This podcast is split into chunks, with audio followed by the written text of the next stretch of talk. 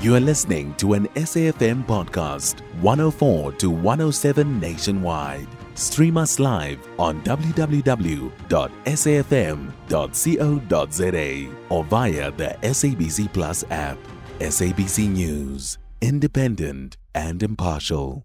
The National Union of Mine Workers, uh, that's NUM, they say that the unbundling of power utility Eskom is not the answer to the country's energy problems. Now, the union accuses Eskom, uh, together with the Public Enterprises Minister Pravin Gordhan, of unilaterally implementing the decision to sell Eskom's distribution assets to a new state owned company without proper consultation with key stakeholders such as the unions and the public. Now, NUM's energy sector coordinator, Kangela Baloyi, says that the decision to unbundle Eskom is the first step towards uh, the privatization of Eskom. He joins us on the line now for further discussion. Mr. Baloyi, thanks so much for your time. Welcome to Updated Noon. Uh, Mr. Baloyi, let me understand first off exactly what NUM's consternation is uh, with where the unbundling process is right now. Uh, Sakina, you will remember we are on record as the NUM uh, against this privatization uh, or the unbundling of Eskom because we believe that this is a first step towards a privatization of Eskom. Uh, we, we don't believe that this is going to solve the problems that we have of load shedding. Actually, it might exacerbate the situation. Mm. Uh, so you say this might be, you know, a precursor to privatization. Explain to us because there are those who hold a different uh, thought, uh, and they say that this would probably be in the best interest of solving or finding a solution to fixing the power utility. Yeah, no, unbundling itself is a is a commercial term, uh, which means uh, separating a company into smaller pieces prior to selling it. You know, it becomes easier to sell a company when it is in small pieces.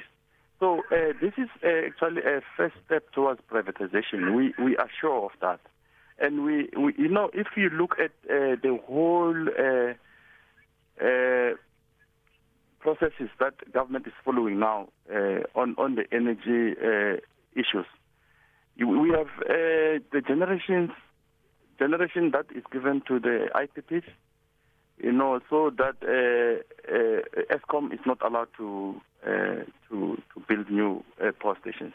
So when you you you separate the company into three, you let the transmission company be owned by government, but the generation being owned by a private sector, including Eskom. Eskom uh, uh, maybe will own uh, 50% of the the whole share.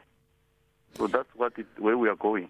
So, what precisely can NUM do about what is currently taking place? Because as an affiliate of COSATU, which is um, a part of the tripartite alliance, uh, which is in partnership with the ruling ANC, uh, what avenues have you pursued hitherto in expressing your dissatisfaction with what's been happening?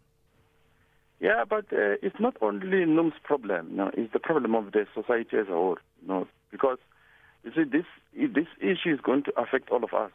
You know, uh, we're going to face a situation like we had uh, before.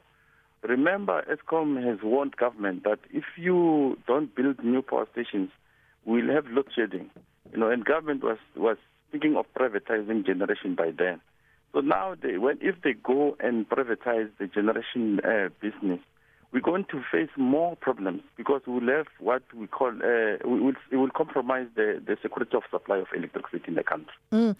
And and whilst I hear what you say, Mr. Baloyi, about uh, this being a broader societal problem, the reason I aimed it at uh, NUM as a, an affiliate of COSATU is because of uh, one would imagine a certain level of proximity that you would have to those who are in decision making positions, or is that not the case? No, it is the case. We are actually following the uh, uh, that route of trying to talk to uh, uh, COSATU to talk to the, to the alliance partners about this issue.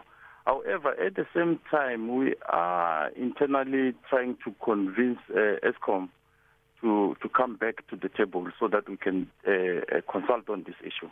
Because if we can consult uh, with facts, you know, uh, uh, we put facts in the, on the table, maybe we can get each other and understand that maybe we can move towards uh, not unbundling this, this company. But isn't that a fait accompli, um, Mr. Baloyi?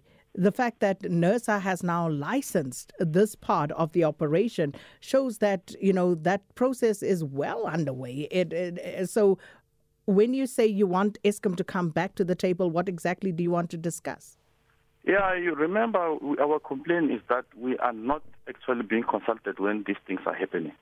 You know, so if because in the consultation table uh, anything is possible, we can come with a, a way where we can stop unbundling. And then we, we are not saying nothing must be done to Eskom.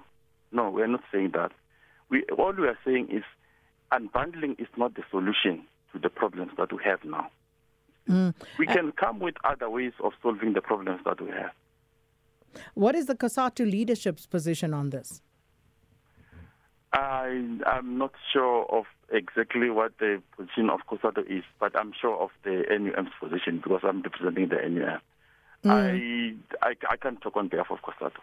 No, I'm just curious uh, because as an affiliate, uh, you know, obviously you would have uh, had discussions with uh, yeah. your umbrella body about yeah, this particular we had matter. Discussions. Two weeks ago, we had a seminar. Three weeks ago, we had a seminar where we, we discussed this issue. And then the understanding is that uh, privatization of Eskom is, is a no-go. And when we explain that unbundling actually is a preparation for, for privatization, most of the COSATU affiliates, not only not only COSATU leaders, but even other affiliates like Yanihao and others, understood and agree with us that the privatization of Eskom is, is, is a no-go. So, in the event that there is no turning back and that there's nothing that can be done to halt this process, what would be your stance then as the National Union of Mine Workers?